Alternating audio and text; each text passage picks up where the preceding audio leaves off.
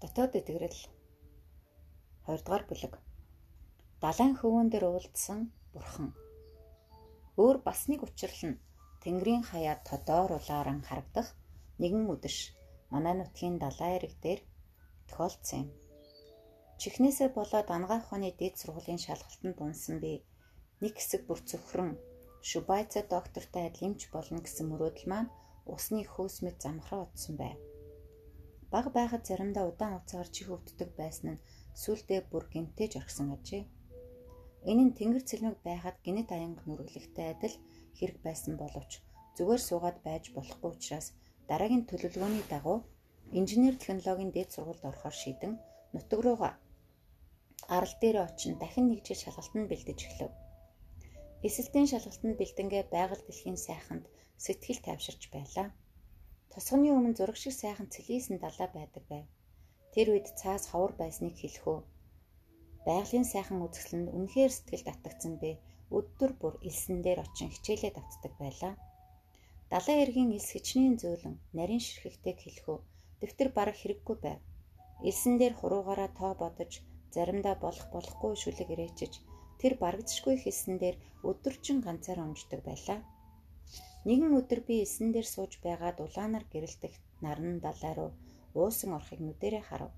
Маш том нар далай руу аажим аажмаар шингэн далд орох тэр мөчөд тэнгэр ба далайд асар их гэрлийн найр болж байгаа мэд тэнгэр газар бүтээгдэхин гайхамшигыг би нүдээр харж байгаа мэд байлаа.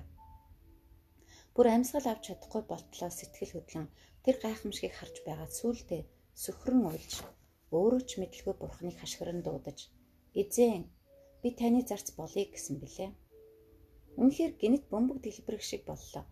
Захирч чадахгүй ямар нэгэн сэтгэл хөдлөл бүх биеийг минь эзэмдэж гал дүрлцэх өргөст бутны донд Мосе бурхантай уулзсан шиг би ч гэсэн байгалийн агуу үзэгдлийн өмнө бурхны оршихуйг мэдэрсэн юм. Би айнж чирч бурхан минь намайг өөрийн хэрэгсэл болгон хэрэглээч хэмээн хашгирч билээ. Энэ бол дээд сургуулийн эсэлтийн шалгалтнаас 3 сарын өмнө болсон явдал. Тэр өдөр хичнээн удаа элсэн дээр өнхөрсөн гэж сүлд нь басаад хартал миний нүр тэр чигээр нус нулимсан давтгалдан бөөн элс наалтчихсан хүн гэж хэлэхэд хэцүү болсон байлаа. Би маань ч ялгаагүй. Одоо тэгвэл яах вэ? Тэр мөчөд би жаргаж буй наранд орох байглаар дамжуулан намайг дуудсан бурханд өөрийн бие тэр чигээр нүргсэн ч татгалзах зүйлгүй болсон юм. Хенри Науминтай уулзна.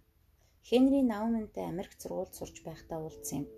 Америкчууд нэг их зовж үзээгүй болоод тэрөө бурханд итгэх сэтгэл ховор байдаг. Тэд итгэлийг зөвхөн сэтгэлийн хөдөлгөөнийг мэдрэх төдийгөр боддог юм. Тийм болоод ч тэрөө сэтгэлэнд хөөрөн маш их хэрч мэдэгдэхийг бурхныг таньж мэдсэн хэрэг гэж боддог хүмүүс олон бий. Тэд жинхэнэ итгэлийн амьдралыг боломжтой болгодог гол шийдвэрлэх зүйл юу болохыг сайн мэдэрч чадахгүй байгаа юм шиг надад санагддаг. Тийм газарт итгэлээр амьдрыг гэсэн хүн сүнсний өнсөглөнг мэдрэхгүй байхын аргагүй юм. Зөвлөх аргыг номноос сурч болох боловч өлсөж байгаа сүнсээ яах ч билээ. Тэгж байгаад номын сангаас нэгэн гайхамшигт номыг олж авсан юм. Тэр бол Хенри Наумны шархалсан эмчлэгч The Wounded Healer гэдэг ном байв. Хенри Науман католикийн лам бөгөөд алдартай сэтгэл зүйч эрдэмтний хувьд Харвардын их сургууль ба Иэл дээд сургууль зөвлөх багшаар ажиллаж байжээ. Дараах нь тэр дүрээн сургуульд ажлаас гарах өргөдлөө өгөөд уул мөргүй алга болсон юм. Түүнээс хойш 2 жилийн дараа тэр дараа тэр өмнөд Америкийн нэгэн ядуу тосгонд хөл нүцгэн амьдарч байгаа нь мэдэгдмэгц олон хүмүүс дэлхийн хэмжээний тэр агуу эрдэмтнийг соёл ертөнц рүү буцаан авчрах гэж маш ихээр хичээн зүтгэв. Олон дээд сургууль түүнийг өрн тууштай ятгсан боловч эцсийн эцэст ямар ч амжилтанд хүрч чадаагүй. Дээд сургуулийн хичээлийн танхим миний сүнсийг өхөөлж байна. Би энэ хүмүүстэй хамт үлдсэн амьдралаа өнгөрүүлмээр байна гэж тэр хэлжээ. Гэвч дэлхий түүний хүлээсэр байсан бөгөөд гүйцэж чадаагүй ажил үйлс өмнө нь байлаа. Эцэст нь тэр Нострадамын их сургууль багшлах болж дахин соёлт ертөнцид хөл тавихад түүний лекцийг сонсохын тулд дэлхийн өнцөг булан бүрээс оюутнууд тэр сургууль руу хуран ирж байсан боловч хүмүүсийн тийм их баярлаж хөрсөн сэтгэл хүсэн хүлээж байснаас үл шалтгаалan хэдэн жилийн дараа дахин сургуулийг орхин оцсон юм.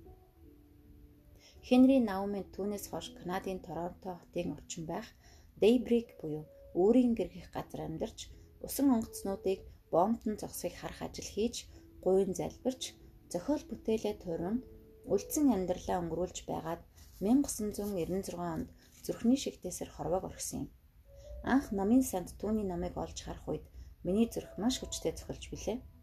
Түүний наманд мэдлэг бус амийн үг дүүрэн хөдөлж байсан юм. Ямар хүн ийм гайхамшигт намыг бичиж чаддаг байна. Би тэр намын зохиолчд нэг удаа уулзаж үзхийг маш их хүсэж байлаа. Тиймээс Харвард, Йейл рүү түүнийг хаан хичээнгүйл явлаа. Нострадамын их сургууль дээр ч очиж үзлээ. Гэвч түүний сургийг мэдэх хүн нэг ч байхгүй байв. Үнэхээр тэр үед би заавал түүнийг олно доо гэж хичнээн хичээсэн ч олж уулзаж чадахгүй байлаа. Би энэ дэлхийн өнцөг булан бүрээс өөрийг нь ирж хайх хинтээ ч тэр уулзахыг хүсэхгүй байсан юм. Тэгээд тэр үед би түүнтэй уулзах чадалгүй байсаар эх орондоо буцаж ирсэн боловч зүр сэтгэлдээ өргөлж түүнийг багшаа гэж тооцдог байлаа. Харин сүүлд огт төсөөлөггүй газар уулзалт маань болсон юм. 1990 онд Чикагогийн Микомикийн Библийн аспирантурт солилцооны багшаар очиод байх үед түүнийг Канадын Торонто хотын хойцогт орших Дейбрик амьдарч байгаа гэдгийг нь олд сонслоо. Би дахин түүнийг хайж тэр даруй Торонто руу нисэж очиод утастан уулзах хүсэл тавихад тэр ээлдгээр татгалзан хариу өгөх нь тэр. Гэвч би чин сэтгэлээсээ та миний сүнсний багш бөгөөд би солонгос таны үзэл бодлыг зааж байна. Би сурагчтай илүү үр дүнтэй хичээл заахын тулд тантай заавал уулзмаар байна гэж хэлсэн юм. Миний чин сэтгэлийг ойлгосон юм уу? Маргааш орой 5 цаг гэхэд Дэйбрихт ирч чадах уу гэж асуулаа. Тэр нь яг залбирлын цаг учраас надад 30 минут л гаргаж чадна гэсэн. Дараагийн өдөр би маш хурдтайгаар Дэйбрих руу жирэлээ. Хөдөрч хэрэг биетэй Хенри Наумын хаалган дээр гарч ирээд намайг тааламжтай яв намайг өгтөн авахт нь балчир хүүхэд мэд цайлган харагдах түүнийг 67 настай гэдэгт огт итгэж чадахгүй байв. Тэр маш залуу, эрч хүчтэй, жаргалтай харагдаж байсан юм. Бид яг 5 цагт түүний ажлын өрөө рүү орж цаг өнгөрөхийг мэдэхгүй энэ төр зүйлийг ярилцсан бөгөөд хичнээн гайхамшигтай гүн гүнзгий яриа өрнөснийг энд бүгдийг нь бичих арга алга.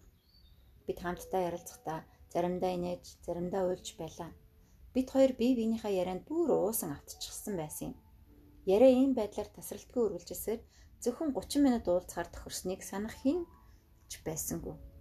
Түүнчлэн бүр хоол ундаа мартаад улаарчсан байсан гэж бидний яриа тентхийн ажилтан хаалга тогших хүртэл үргэлжилсэн юм.